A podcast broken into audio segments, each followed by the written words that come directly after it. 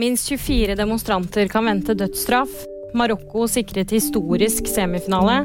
Og dødstallene stiger på Jersey. Minst 24 iranere kan vente dødsstraff for å ha deltatt i demonstrasjoner. Det skriver den iranske avisen Etemad.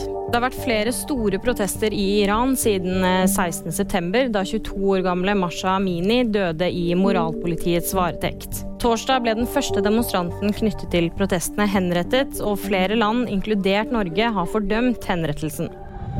Marokko blir tidenes første afrikanske lag i en semifinale i fotball-VM. Lørdag slo de Portugal 1-0 i kvartfinalen. Flere jublet for marokkanerne, også på Jungstorget i Oslo lørdag kveld. Men det var ikke alle som jublet like høyt. Kameraene fulgte en tårevåt Cristiano Ronaldo, som 37 år gammel kanskje har spilt sin siste VM-kamp for Portugal.